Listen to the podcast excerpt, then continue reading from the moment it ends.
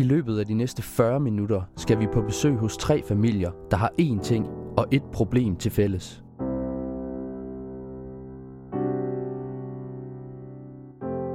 Det han vil sige i dag, det er, at han er træt af at sidde inde på sit værelse. Han vil gerne ud blandt andre unge mennesker, men øh, han føler, at han blokerer og kan slet ikke tale. Han vil gerne fortælle sin historie. Det vil han faktisk gerne. Han vil gerne have, at der er andre, der ved det. At det eksisterer det her, og det er meget svært at leve med.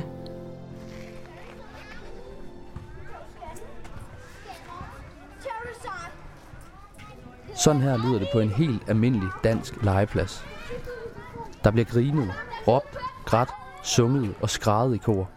Men hvad lyden ikke fortæller, det er historien om de tavse børn. Historien om de børn, der er mere end bare almindeligt stille. Du lytter til, når stemmen forsvinder. Redigeret og tilrettelagt af Simon Hegård Larsen, og jeg hedder Oscar Enemark.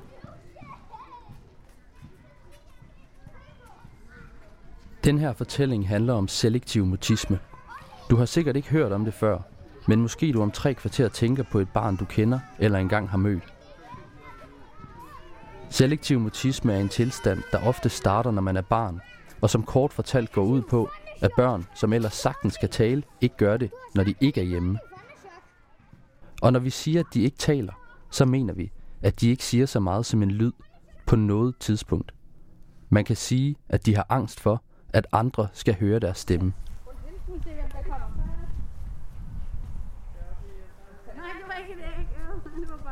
Vores fortælling begynder i Nordsjælland i byen Hørsholm. Det er påske, solen skinner, og seksårige Josefine leder efter chokoladehar i haven sammen med sin lillebror Elliot og sine forældre Bettina og Allan Kofod. Ja, det er en bold, men det er chokolade, vi skal finde. Vi besøger Josefine på 6 år. Hun er en pige som alle andre. Hun går i skole, har venner, elsker Markus og Martinus og har sammen med sin mor bagt chokoladekage i dagens anledning. Men hun har også selektiv mutisme. Altså vi ser det, hvis der kommer andre end mormor og morfar og farmor og farfar ind i hjemmet.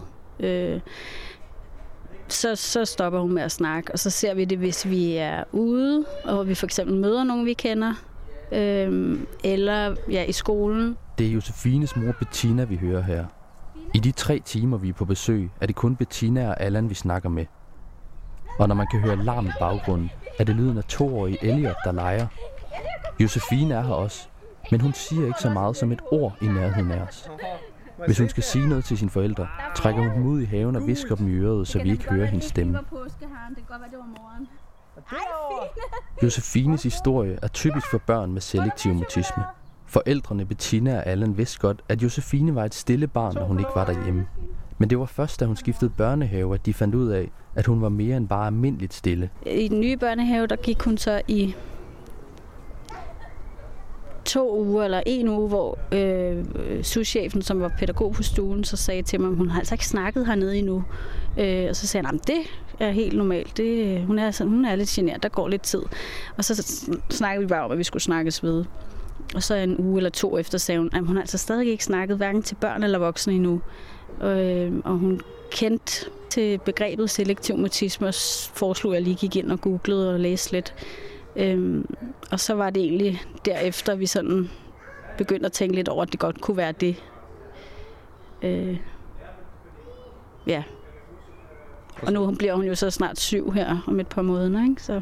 Men hvorfor går der næsten to år, før Josefine og hendes forældre hører om selektiv mutisme for første gang?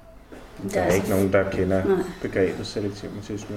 Alle, hvad vi har snakket om efterfølgende, siger, det har jeg aldrig hørt om. Det kender jeg ikke. Også at, at det er jo altid blevet kørt ind under, at børn, der ikke sagde noget, mm. de var bare generet. Altså det har bare været sådan udbredt, forsigtig. forsigtig eller generet, ja. eller der var også nogen, der tænkte sådan, ej, hvor hun uopdragende ikke siger tak, når hun får en gave. Altså, eller hej, når I kommer. Og pædagogerne i børnehaven vidste heller ikke, at der var tale om mere end bare generthed. Så var der en morgen, Josefine gerne ville have noget æble, hvor hun så sagde, ja, men hvis, øh, der er kun æble til der kan spørge. Ja, der er kun æble til de børn, der kan snakke eller sige, at de vil have æble eller sådan noget. Ikke længe efter, at Bettina havde hørt om selektiv mutisme for første gang, får Josefine stillet diagnosen. Sådan, altså jeg, jeg kan huske, jeg, igen fordi man ikke vidste bedre dengang, men at jeg, øh, kom og hentede Josefine i den gamle børnehave, og så havde hun tisset i bukserne, fordi hun var jo ikke mere end tre år. Og det var en mega varm sommer. Så i stedet for at sige til de voksne, at jeg har tisset i bukserne, hun hjælper med nogle andre bukser, så, havde, altså, så, så var det tørret, fordi hun ville hellere åbenbart gå med tis i bukserne, end at skulle sige det til de voksne. Og det, det kan jeg også synes, jeg blev sådan lidt overrasket over. Hvor jeg så sagde, nu prøv lige, nu siger vi det lige til de voksne. Jeg har tisset i bukserne, så var den der lortemor, der gik ind sådan nærmest og lavede fis med det. Ikke? Hvor nu tænker jeg, okay, der, det var jo noget andet, der lå mm. til grund for, at man hellere ville lade tisse tør i bukserne. Der, jeg hader mig selv i den situation, for nu ved jeg jo bare, at det var slet ikke det, det handlede om. Men alligevel er hun glad for, at Josefine har fået en diagnose. Bettina og Allan håber, at de med diagnosen nu kan få den rigtige hjælp. Men så let går det desværre ikke. For ifølge dem er det offentlige sundhedssystem ikke gode nok til at hjælpe børn med selektiv mutisme. Derfor har Bettina og Allan brugt omkring 40.000 kroner på behandling hos to specialiserede privatpraktiserende psykologer. Man ved ikke med sikkerhed, hvilken behandling der virker bedst, men der er enighed om, at det er kognitiv terapi, der har bedst indflydelse på børn med selektiv mutisme. Kognitiv terapi dækker bredt. I Josefines tilfælde har det været en form for legebehandling, hvor behandlingen er foregået med legetøj og ude i virkeligheden i stedet for på et kontor. En psykolog har været med Josefine i både børnehave og skole og har givet hende nogle redskaber. For eksempel går Josefine nu altid rundt med en lille bæltetaske, hvor i hun bærer en lille bamse – den kan hun tale igennem, når det er allermest nødvendigt, hvis hun for eksempel skal på toilettet midt i timen.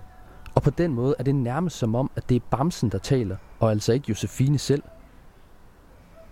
Bettina og Allan har været glade for hjælpen til Josefine, men føler selv, at de som forældre stadig mangler redskaber.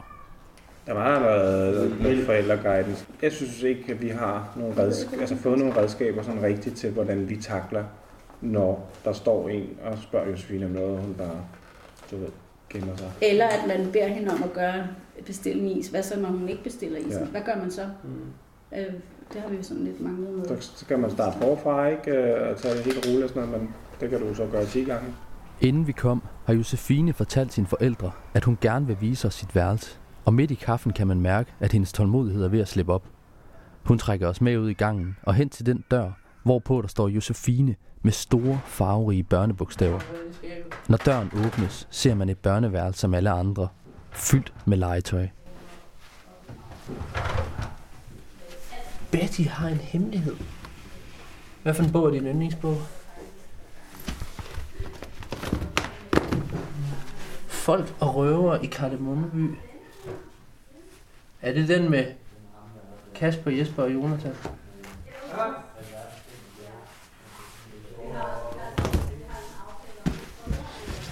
Det kan lyde mærkeligt, at en pige, der ikke snakker, kan være så ivrig efter at vise sine ting frem, men sådan er det altså. Man kan ikke høre det her, men Josefine smiler, peger, nikker og laver fakter, så det føles faktisk som en samtale. Hey, det er jo et pandablad. Hvornår har vi lige fået det her pandablad? Er det fordi, der er kommet pandaer ind i København? Ved du, hvad de hedder? De, hedder, de kommer hele vejen fra Kina, hvis du godt det. Så de hedder kinesiske navne. Jeg kan kun huske, hvad den ene hedder. Og den hedder Mao Sun. Mao Sun. Skal vi lige prøve at se? Det er en svær situation at tale med et barn, der ikke snakker. Det er en intim og en intens oplevelse, der virker en smule akavet og nærmest grænseoverskridende. Men Josefine viser en masse. Vi har øjenkontakt, og nogle gange tror man næsten, at hun skal til at svare. Det gør hun bare ikke. Har du stadig din, øh, hvad hedder det, din lille fisk med? Eller den inde i stuen?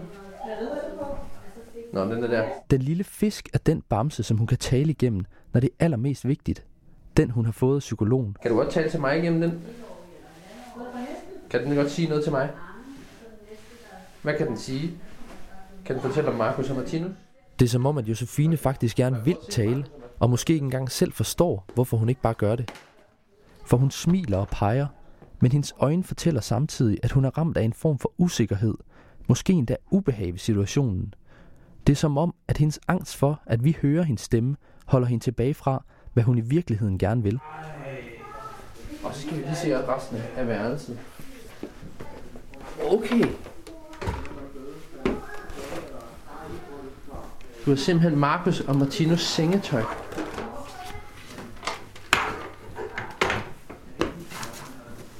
Du ved godt, hvordan man kan kende forskel på dem, ikke? Martinus, det er ham her, og han har, øh, han har den her modersmærke lige her ved, ved munden. Og Markus, han har, jeg ved faktisk ikke, hvad man kan kende Markus på. Ved du det? Nej. Det var ikke for at teste Josefine, at vi spurgte hende, om hun kunne tale til os igennem bamsen. Men vi havde på det her tidspunkt været her i tre timer, og Josefine virkede tryg og til at være i godt humør. Men måske er det lige præcis her, vi ser den tydelige forskel på selektiv mutisme og ganske almindelig generthed. Hvis du har været sammen med generte børn en time måske, eller to, så begynder de måske stille og roligt at snakke til dig, og det kan godt være, at de snakker lidt lavt måske, men de vil sådan stille og roligt bløde op over tid. Og det siger man med børn med selektiv mutisme, at de kommer bare ikke til at bløde op. Altså, du vil ikke, øh, hvis hvis I blev her resten af aftenen og kom igen i morgen, så det, det vil stadig ikke ændre noget. Der vil stadig ikke være noget sprog på. Og det kan være, der vil gå en måned, hvor hun så jer hver dag, før der vil komme noget sprog, hvis overhovedet. Så det er sådan, øh, den der generthed, hvor det vil bløde op, det, det sker bare ikke på samme måde.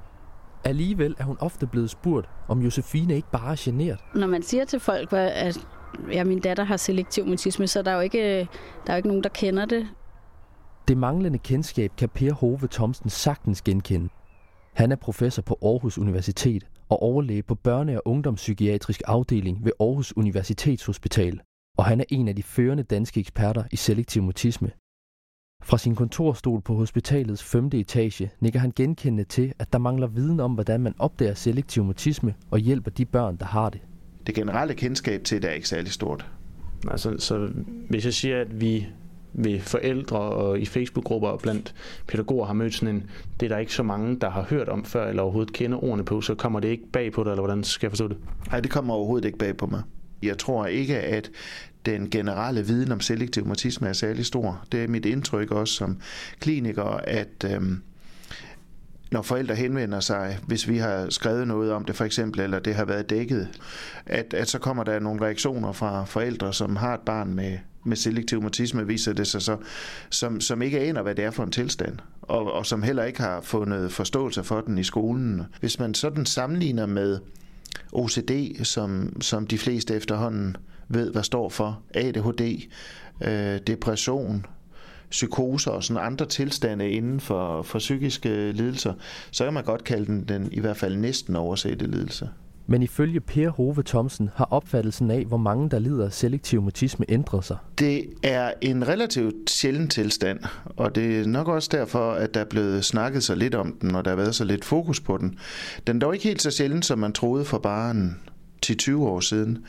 Øh, det er lidt svært at gøre op, fordi hvor hyppig tilstanden er, fordi der ikke er blevet lavet nogle rigtig gode undersøgelser af det.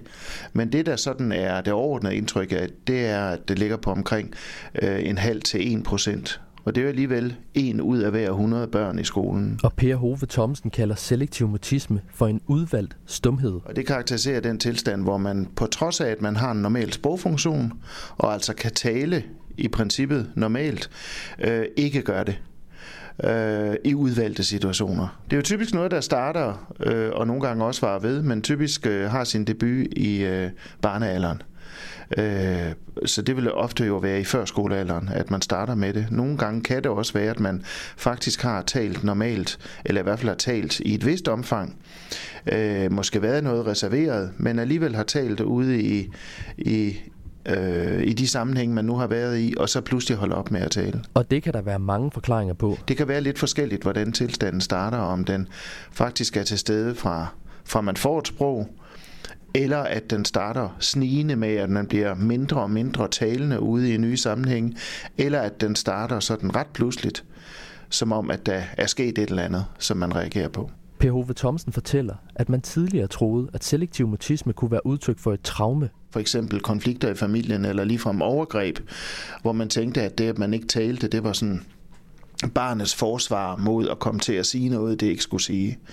Øh, afslører øh, forældrene for eksempel.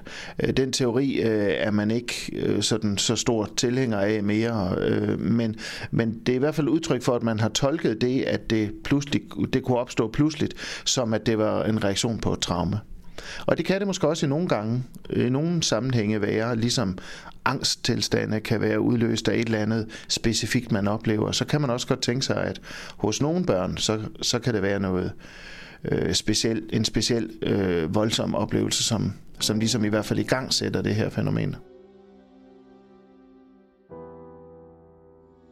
Vi er taget til Husum, vest for København. Det er helligdag, og det virker som om, at byen ikke helt er stået op endnu. Vi er blevet inviteret hjem til en familie, der ligesom familien i Hørsholm ved, hvordan det er, når selektiv mutisme er en del af hverdagen. Vi er øh, Claus og Line, som er mig, og så har vi vores døtre Viola og Carla. Det er Line Willum, vi hører her. Men det er hendes datter, 11-årige Viola, der har, eller i hvert fald tidligere har haft selektiv mutisme. Jeg tror ikke, hun selv vil sige, at hun har det stadig. Men jeg kan jo mærke på hende, når vi er nye steder, at, at det stadig er der. At, at det findes, og at, øhm, at der er nogle situationer, der er svære for hende end andre. Men jeg kan også mærke, at hun tør hurtigere op, når vi er nye steder, end hun gjorde for de, for de der mange år siden efterhånden, da hun gik i børnehave. Vi går ned ad husets kældertrappe og ind bag det glitterforhæng, der udgør døren til Violas værelse. Her bor du. Viola snapchatter med sine venner, hører Billie Eilish og går til håndbold. Og ud fra antallet af medaljer på væggen at bedømme, så er hun ret god. Hvilken en er du gladest for?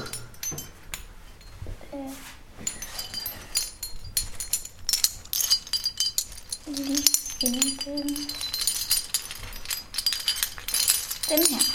Den der. Hvad står der på den? Faxekop. Faxekop. Okay. Var det fordi, du scorede det afgørende mål, eller hvorfor, er- hvorfor er den den bedste? Fordi at det var da vi vandt Faxekop. Ah. Viola er en stille, men smilende pige. Og til forskel fra Josefine i Hørsholm snakker hun med os. Det vil hun nok ikke have kunnet for bare et par år siden. Viola viser os et klassebillede og udfordrer os til at finde hende på billedet. Forreste række, helt ned til højre. Er det en god klasse? Mm. Hvem snakker Der du er bare med? mega mange, der er stoppet. Nå. Det er ikke... Hvem Nå, snakker ja, du det mest med? Øh. Men mest hende, hende, hende, hende, hende. Hvad hedder de? Øh, hun hedder Christine, hun hedder Alicia, hun hedder Isabella, hun hedder Lærke, og hun hedder Johanne.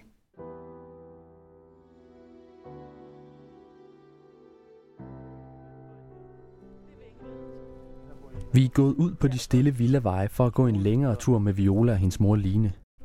En tur, de har gået mange gange før. Det er en tidlig forårsdag, og der er blæst, pollen og fuglesang i luften. Vi går igennem villakvarteret, forbi Violas skole, op forbi Husum Torv og drejer op mod Violas gamle børnehave. Hvor ligger børnehaven henne her? Ja, den kan vi gå op til nu. Den ligger heroppe. Den, øh, ja, den ligger den her vej. Så, øh, så skete der noget sådan... Ja, jeg ved ikke, når, Ja, når I så børnehaven, eller når I trådte ind? eller? åbnede, øh, der er også en stor jernlåg, den er bare høj, sådan, så børnene ikke på. Øh, lige så snart vi åbnede den, så blev der lukket i. Altså det var som om, "Nå, men nu er vi herinde, og det er her, hvor jeg ikke skal snakke.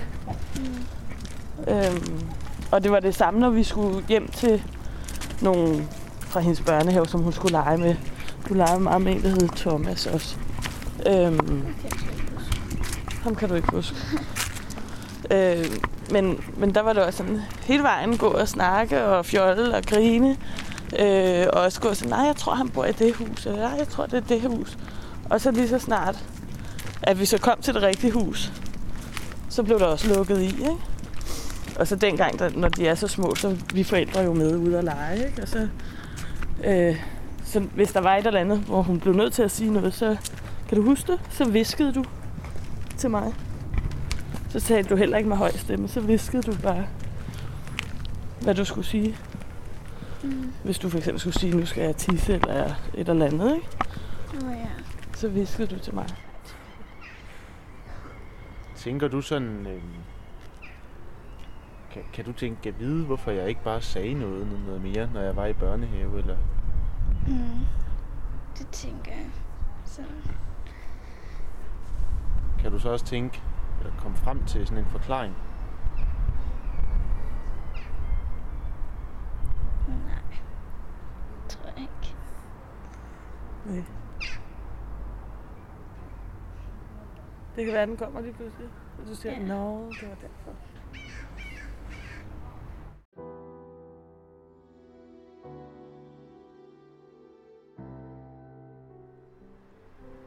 Vi er tilbage fra gåturen. Viola sidder i stuen, mens Line er gået ud af havedøren og ud på terrassen. Her fortæller hun om de sværeste år med Violas mutisme, og om hvordan det som mor gør ondt at se, både hvordan Viola har haft det svært, men også hvordan andre mennesker har opfattet hende som uhøflig eller uopdragen, fordi hun ikke har kunne svare, når de har talt til hende. Det er bekymringer om børnefødselsdage og klassesammenlægninger og den slags situationer, som Line håber, at færre børn og familier skal opleve i fremtiden. Jeg håber virkelig, at, at det her det kan åbne op for, at man bliver klar over det. Og sådan, så man får fat i de, især piger er det jo, øh, der sidder gemt ude i klasselokalerne og bliver overset. Hvis man laver sådan en, en hypotetisk skala, hvor man, sådan en skala for, hvor meget vi danskere ved, hvor 10 det er. Her i Danmark ved vi bare helt vildt meget om selektiv mutisme, og 0 det er, vi ved ingenting. Hvor synes du så, vi ligger henne? Øh, altså, en halv, tænker jeg. Altså, vi ved ikke særlig meget om det, og man skal altid sådan sige det, og det der også hjalp mig, dengang vi fik diagnosen, det var også det der med at sige, at jeg kunne sige til folk, at hun er ikke uopdraget. Altså, der er en grund til det her. Det er ikke, fordi hun ikke gider at snakke med dig. Det er ikke, fordi hun ikke vil snakke med dig. Det, og det er ikke, fordi vi ikke opdrager på vores børn, at de skal hilse på folk. Men der er altså noget her. Og det, der synes jeg, det hjalp, at man kunne sige, "Men prøv at høre, det er sådan her, det fungerer. Og så kunne man, skulle man jo så forklare, hvad, hvad det er. Ikke? Og jeg har altid, jamen mute, det er knappen på dit fjernsyn, øh, så det kommer deraf. Ikke? Men selvom Viola har gjort store fremskridt de seneste par år, så er der stadig bekymringer hos Line. Altså man kan jo godt have sådan en frygt for, at, man, at hun ender som en eller anden huleboer, der, der ikke er ude blandt andre, fordi det simpelthen er for svært. Det synes jeg øh, har klart været den største frygt. Som du måske har bemærket, har vi kaldt selektiv mutisme for både angst, lidelse og tilstand. Og på nettet kalder nogen det også for sygdom og fobi, så hvad skal vi egentlig kalde det? Det spurgte vi overlæge Per Hove Thomsen om.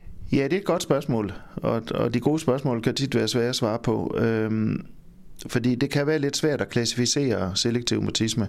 Det bliver i det amerikanske diagnosesystem, som vi i en vis grad også kører efter her, der bliver det klassificeret som en angsttilstand. Det vil sige, det ligger på ligesom social fobi for eksempel, eller separationsangst, eller andre angsttyper, man kan se i barndommen. I øh, vores øh, hidtidige diagnosesystem her i Europa, der har det haft sin sin selvstændige diagnose, der er det sådan stået for sig selv. Og man kan se, hvis man undersøger øh, de her børn sådan mere detaljeret, så kan der også ligge forskellige bagvedliggende vanskeligheder. Øh, dels kan der være udtryk for en ren angsttilstand, men der kan også være udtryk for, at man faktisk øh, har nogle social, det vi kalder social kognitive vanskeligheder, altså at man har lidt besvær med at finde ud af, hvad er det, der foregår i det sociale samspil. Ikke at man er autist, fordi det er jo nogle af de vanskeligheder, autister har, men at man alligevel er lidt derovre af. Det er der en, en norsk undersøgelse, der har øh, vist, at der var en overhyppighed øh, blandt børn med selektiv mutisme, som også havde de her social-kognitive vanskeligheder. Ser du det som en angsttilstand? Jeg ser det primært som noget, der klassificeres som en angsttilstand, ja. Kan du prøve at sætte nogle ord på vigtigheden af at opdage det i tide? Altså, hvad, hvad sker der, hvis man har et barn på fire år, som har nogle tegn, som har øh, symptomerne og så har selektiv mutisme, men man ikke opdager det og ikke gør noget? Det, vi, vi ved ikke så meget øh, fra forskningen om, øh, hvor meget en tidlig indsats betyder. Men, men det er jo logisk at tænke sig, og vi ved også fra andre tilstande, vi har med at gøre, at jo hurtigere man bliver opmærksom på den, jo, jo, jo bedre kan man sætte ind. Fordi det, man kan øh, undgå ved at sætte tidligt ind foran over for selektiv mutisme, er, at det ikke ligesom bliver en, øh, en øh, forbenet tilstand, som barnet ikke kan komme ud af. Vi ved, at jo længere tid man går i den her tilstand, jo sværere bliver den faktisk. Og det er ligesom angst igen, at, at, at øh, det kommer til at vokse i størrelse for en. Det bliver sværere og sværere for en at sige bare øh, goddag, fordi øh, at man har været i den her tilstand så længe. Så, så alt andet lige, så vil det være en fordel at, at blive klar over det så tidligt som muligt, og sætte ind over for det så tidligt som muligt. Okay, så, så rent øh, bevisligt ved vi ikke, at der er store konsekvenser, men det er nærliggende at tro. Ja, det er nærliggende at tro. Det vi ved fra, fra, fra det, vi har lavet herhjemme og fra, fra forskning i øvrigt, det er, at, at uh, langtidsefterundersøgelser, dem er der lavet relativt få af, men at de viser, at man har en højere risiko for at, at få det, der hedder social fobi eller social angst, altså angst for at komme ud og, og være blandt andre. Uh, at man stadig ofte vil være uh, reserveret og tilbageholdende og meget lidt talende generelt at man oftere har fået et dårligere uddannelsesforløb, end man kunne tænke sig, man kunne have fået, øh, fordi man ikke har kunnet øh, tale osv. Så, videre. så vi ved, at det har nogle langtidskonsekvenser. Vi ved også, at der er nogen, der forvinder det. Øh, de springer måske ikke ud som X-faktor-stjerner, men, men det kan også være lige meget, men at de forvinder deres selektive mutisme. Det med konsekvenser ved en familie i Odense-forstaden Tarup alt om. Ja. Ja, hallo? Kom ind. Tak. Kvinden, der lukker os ind i opgangen, er Michaela Rocato, mor til Luca Rocato, der som 14-årig får stillet diagnosen selektiv mutisme, og som i dag er 20 år. Hej, goddag. Goddag. Kom ind. Luca kommer fra sit værelse ud i gangen og siger hej og hilser på os. Hej, goddag. Hej. Herefter vender han sig om og går ind på værelset igen og lukker døren til. Vi andre går ind i stuen, hvor Michaela har gjort klar med sandwich, sodavand og selvfølgelig en fynsk brunsviger. Vi sætter os i sofaen, og Michaela forklarer, hvorfor det er hende og ikke Lukas selv, der fortæller om hans selektive mutisme. Han øh, vi slet ikke kunne sige noget til jer andet end hej i dag, fordi han kender jer ikke, og han er ikke øh, tryg ved jer. Det kræver mange gange, øh, at man skal komme ind på livet af ham, før han vil sige noget. Men øh, han har sagt til mig, at øh, det er helt okay, det jeg siger, og det er faktisk sådan, som han har det. Det er, at øh, altså, det han vil sige i dag, det er, at han er træt af at sidde inde på sit værelse. Luca har siden folkeskolen startet på flere jobs og uddannelser, men er stoppet igen. Han får nu hjælp af en støtteperson fra kommunen og starter snart i et ressourceforløb. Hans største ønske er at tage en HHX. Han har forsøgt en enkelt gang, men måtte opgive. Han vil gerne ud blandt andre unge mennesker, men øh, han føler, at han blokerer og kan slet ikke tale. Øhm, Altså, så, Så- han, han vil gerne fortælle sin historie. det vil han faktisk gerne. Han vil gerne have, at der er andre, der ved det. At det eksisterer det her, og det er meget svært at leve med.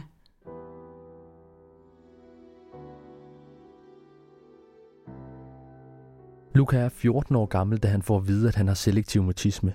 Men tegnene starter mange år før. Og måske har Luca i virkeligheden haft selektiv mutisme siden børnehaven. Det var da han var i børnehaven. Han er Batman og blev kongen. Kattekongen. Michaela har fundet en stak barndomsbilleder frem. Vi ser på en både glad og aktiv dreng. Faktisk ser vi to, for på mange af billederne har Luca selskab af sin storebror Oliver. Der er, du har mange øh, billeder, hvor de to er, er sammen. Ja, men de er jo også altid sammen, og de, de har jo altid leget sammen. Så det er jo ikke heller altid, de har haft brug for at lege med andre, fordi de har haft hinanden. Så Og de er næsten tvillinger, siger du. ja, det hedder jo pseudotvillinger. Der er 17 måneder imellem dem. Øverste billede her i, øh, i stakken. Hvor er, hvor er vi henne her? Der er vi i en boldklub i Kærteminde, hvor han spillede på et tidspunkt. Der er han syv eller otte. Han har altid været frygtløs, så han var målmand. En, øh, en stille dreng på banen også. Ja, det var han. Det holdt ikke så længe. Øh, De der holdsport, øh, fodbold og håndbold, det er ikke noget, der, der holdt så længe. Men det, det der hang øh, længst tid ved, det var svømning. Der Og gik svømning, han i, det er det her billede. Ja, der gik han i tre år. Så det var lige noget for ham. Sportsfyr. Ja, det har han været, ja. Men det er også gået i stå, jo. Hvorfor tror du, svømning var mere et hit end fodbold? Fordi at til svømning, der er det ens egen præstation. Og øh, man får en, øh, hvad skal man sige, øh, der får du en klar plan for, hvad det er, du skal lave. Nu skal du svømme 10 baner. Øh, så er det det, man gør. Og man øh, er sig selv og sin egen. Så der er ikke brug for at snakke så meget, som der er til fodbold. Håndbold, det, det gik heller ikke rigtigt. Luca er også Asperger, men spørger man hans mor, er der ingen tvivl om, at den selektive mutisme var og er roden til Lukas største problemer. Jeg er helt overbevist om, at det er de ting. Altså, det er mutismen, der gør, at han får alle de andre problemer her. Årene går, og Luca får det gradvist sværere. Faktisk får han det så svært, at han som 14-årig bliver indlagt på Region Syddanmarks børne- og ungdomspsykiatriske afdeling. Vi har set Lukas journal fra indlæggelsen, og i den står der blandt andet, at Luca er svært hæmmet af sine angstsymptomer, og at han har meget svært ved at fungere i sociale fællesskaber. Der står videre, at Luca har svært ved at handle alene, måske endda tage en bus alene, og han bliver meget forpint og angst i situationer, hvor han for eksempel skal fremlægge i skolen. Til sidst i journalen står der, at Luca den 10. december 2014 har haft det så skidt, at han har haft selvmordstanker. Det påvirker jo hele familien. Altså, det er jo også svært for hans storebror. Øh, han vil jo også gerne se ham ude og have det sjovt og, og have venner. Og, så det påvirker jo. Altså, Hvornår var det sværest? Det var nok omkring det, på det tidspunkt, hvor du læser op, øhm, hvor han egentlig ikke havde lyst til at leve mere. Øhm, der, der var det rigtig svært. Der har vi været rigtig kede af det alle sammen selvfølgelig, og man står lidt magtesløs om, hvad man skal, hvad man skal gøre. For jeg søgte på nettet, og der er jo ikke så meget viden omkring det. Men øh, man famler lidt i blinden, det gør man, og prøver jo bare som familie at, at gøre det bedst muligt. Altså, jeg forsøgte jo at passe mit arbejde så vidt muligt, men det, det var jo umuligt på det tidspunkt, hvor han havde det så dårligt. Så øh, jeg fik overlov og har været hjemme øh, 8 måneder var jeg hjemme, hvor vi sådan tog over trænet og gik ture, og han er meget tryg med mig. Og, og en af de grunde øh, til, at vi også fik støtteperson, det var jo også for at, at hjælpe os som familie. Michaela finder en Kina-bog frem, som hun dengang brugte til at notere Lukas forløb. Det er seks år siden, og bogen har været lukket siden da. Og det er en dårlig dag, skriver jeg. Minus skole. Han har ligget i sengen hele dagen, vil ikke spille computer, vil ikke spise, og der har ingen kontakt været med de voksne. Om aftenen fik han at vide, at der var mad, men han ville jo ikke gå ud til de andre og spise, så han fik ikke noget aftensmad den dag. Øh, aftenvagten kommer ind til Luca kl. 11 om aftenen. Og det var sådan set en af de dage, øh, som det var mange af. øh, jeg kommer med morgenmad her dagen efter ved tidtiden, og der ligger han stadigvæk i sengen og vil ikke øh, vågne og vil ikke tale. Han har ligget der hele formiddagen. Der bryder jeg så sammen og får en snak med personalet, fordi det er jo mange dage, at det her det forekommer. Hvordan er det det? Ja, jeg bliver påvirket af det, fordi at, øh, det er rigtig hårdt som mor at være vidne til. Det er det. Så også fordi man er så magtesløs. Øh, ja, man ved ikke, hvad man skal stille op. Altså, jeg gjorde jo, synes jeg, hvad jeg kunne for at være der, kom og gik tur med ham om formiddagen. Øh, jeg lavede selv mad og tog med derud, fordi at, øh, så vidste jeg, at han fik et eller andet. Øh, for det var jo ikke altid, han fik mad, og, øh, når han ikke ville ud sammen med de andre. Og så blev han egentlig bare siddende. så Forløbet af indlæggelsen vækker dårlige minder hos Michaela, Hun er ikke tilfreds med den måde, Luca og hans selektive mutisme er blevet behandlet af det offentlige og psykiatrien. For han fik det faktisk meget værre. Øhm, deres baggrund, det var så, at øh, de havde måske håndteret ham forkert, og vidste ikke, hvad de skulle gøre, og at øh, han jo ikke var samarbejdsvillig, når han ikke ville tale. Øhm, det var jo ligesom derfor, han kom, kan man sige. Mm. Så det blev jo sådan lidt overrasket over deres øh, håndtering af det, eller manglende på samme, kan man sige. Vi har været i kontakt med Region Syddanmark og har forholdt dem til kritikken.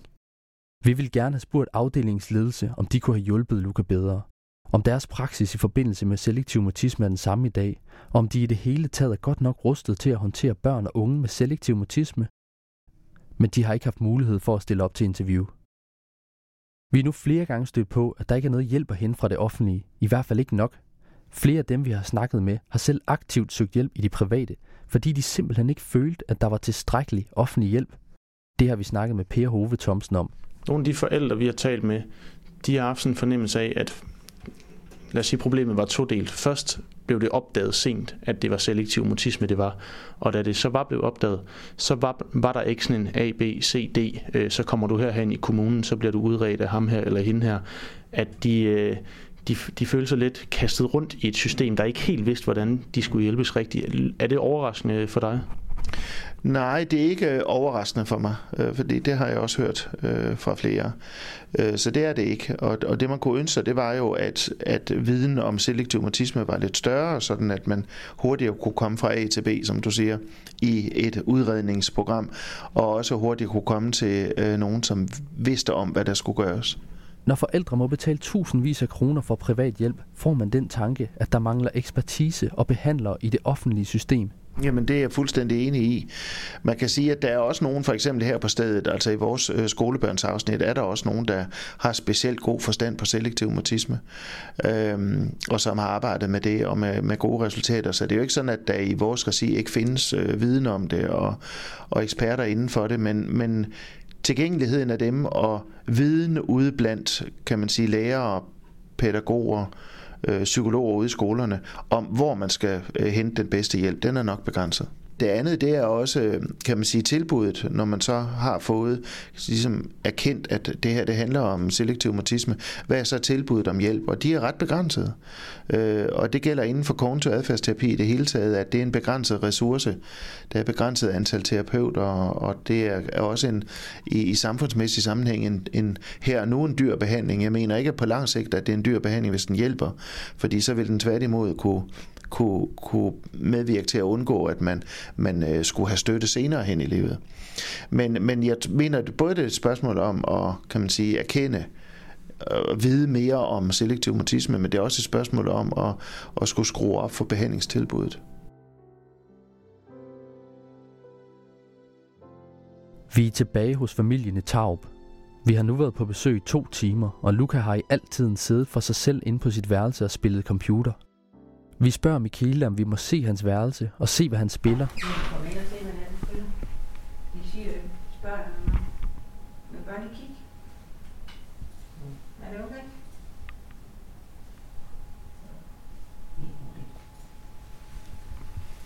Det er okay. Lukas værelse ligner et helt almindeligt drengeværelse. Rundt omkring ligger en masse forskellige sten, som Luca har samlet, og ved siden af fjernsynet på væggen står en afrikansk skulptur, som Luca har fået af sin mormor og morfar. På bordet foran vinduet står en computer med tilhørende musemåtte. Vi står bag ved Luca, der for det meste kigger direkte ind i skærmen. Det er RuneScape. Og hvad er det, det går ud på? Så der var Bare kom ting, ind. man kan lave i det. Altså, øh, det er sådan en online-spil, man kan spille, hvor der er andre med os. Så du skal ligesom bygge en verden op? Øh, Eller, eller monstre og sådan noget, man kan bosser og sådan nogle ting. Hvad siger jeg så? Ja. Og så er der så forskellige øh, slags champions. Så ham jeg spiller lige nu, han er, det er magic damage. Mm. Det vil sige, det er mest abilitiesne, øh, der skader noget. Mm. Og så er der, så er der ham der, det er mest basic attacksene. Det er, når man bare slår på, eller skyder på minusene, så skader det. Det er, det så bygger man så attack damage Mm. i stedet for. Og så snakker man sammen online, eller hvad? Ja, så kan man bare skrive i chatten, og så er der andre personer. Så hvem spiller du med lige nu? Det er bare alt muligt andre. Okay. Altså, Fra hele verden, eller ja. Det er vel egentlig kun, når Victor og Rasmus er på, at du taler med de andre igennem spændende, ikke? Ja, og det er League of Legends, vi spiller. Okay. Victor og Rasmus er Lukas gamle venner fra folkeskolen. De holder kontakten ved lige, mest når de taler og skriver sammen igennem computerspillene. Altså, det, det er det budskab. I League of Legends, der er det, der, der, er altså, der er det bare øh, prøve. Så. Det må du gerne. Hvis du kan gå ud af det her. Ja.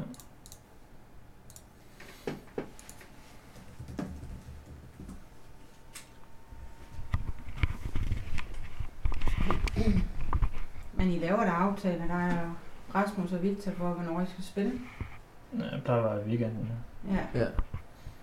Hvis de ikke lige skal på arbejde, eller... Herinde, der er man så bare som venner. Så, så kan man bare invitere hinanden til at spille. Så du kan se, når de er online. Ja. Så du har to venner der, ukendt spiller og, hvad hedder han? Victator. ja. Det er da meget godt navn. Hvad hedder du derinde? Jeg hedder Lucario. Lucario. det er da meget godt. Lucario. Ja, hvordan kom du på det? Det var, der er en Pokémon, der hedder noget lignende. Altså, fordi Ja, det starter med, med en bogstav. Luca. Ja. Lucario.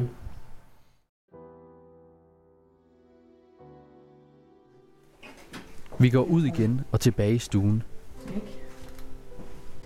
Vi kunne se på Michaela, at hun smilede, mens Luca fortalte om sit computerspil. Det var fordi, jeg blev faktisk meget overrasket over, hvor meget han egentlig lige fortalte.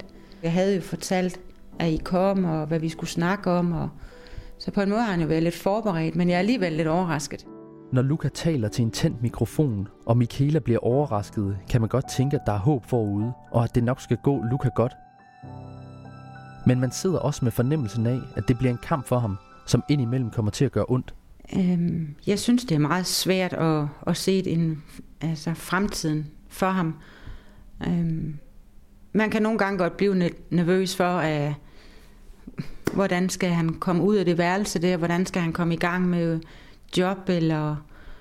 Det er jo ikke for at være pessimistisk, men øh, jeg synes, det, det har lidt svære udsigter, og jeg ved ikke rigtigt, hvad det er, at vi skal gøre som familie for at få brudt det, eller komme videre med det når alt kommer til alt, så er det, han siger, jeg vil bare gerne være glad. Og have nogle venner. Og det har han jo ikke. Øhm. Han har to, øh, to øh, folkeskolevenner, som han taler med over computeren. Og det er, hvad der er tilbage. Det betyder rigtig meget for ham, at han har de to, som han taler med. Det, han har lyst til, det kan han jo sådan set ikke. Jeg tænker lige, øh, vi kan tage noget, der lige minder om en pause, eller et eller andet, hvis... Øh... Ja.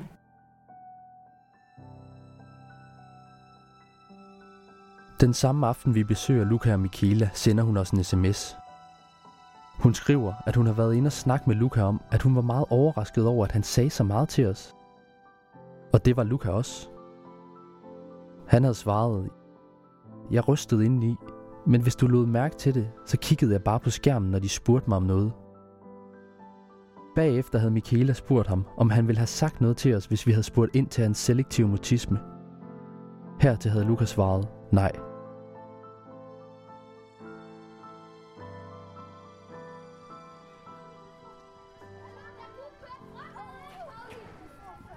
Vi sagde i starten, at når du havde hørt den her fortælling, så vil du måske tænke på et barn, du engang har mødt.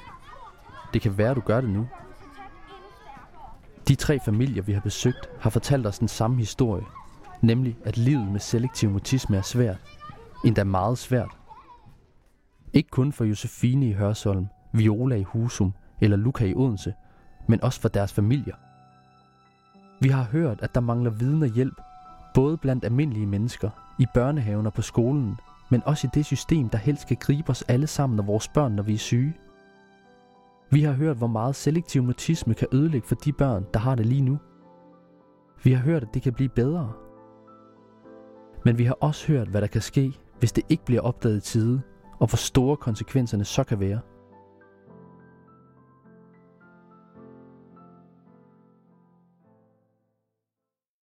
Du lyttede til Når stemmen forsvinder af Simon Hegård Larsen og Oscar Enemark.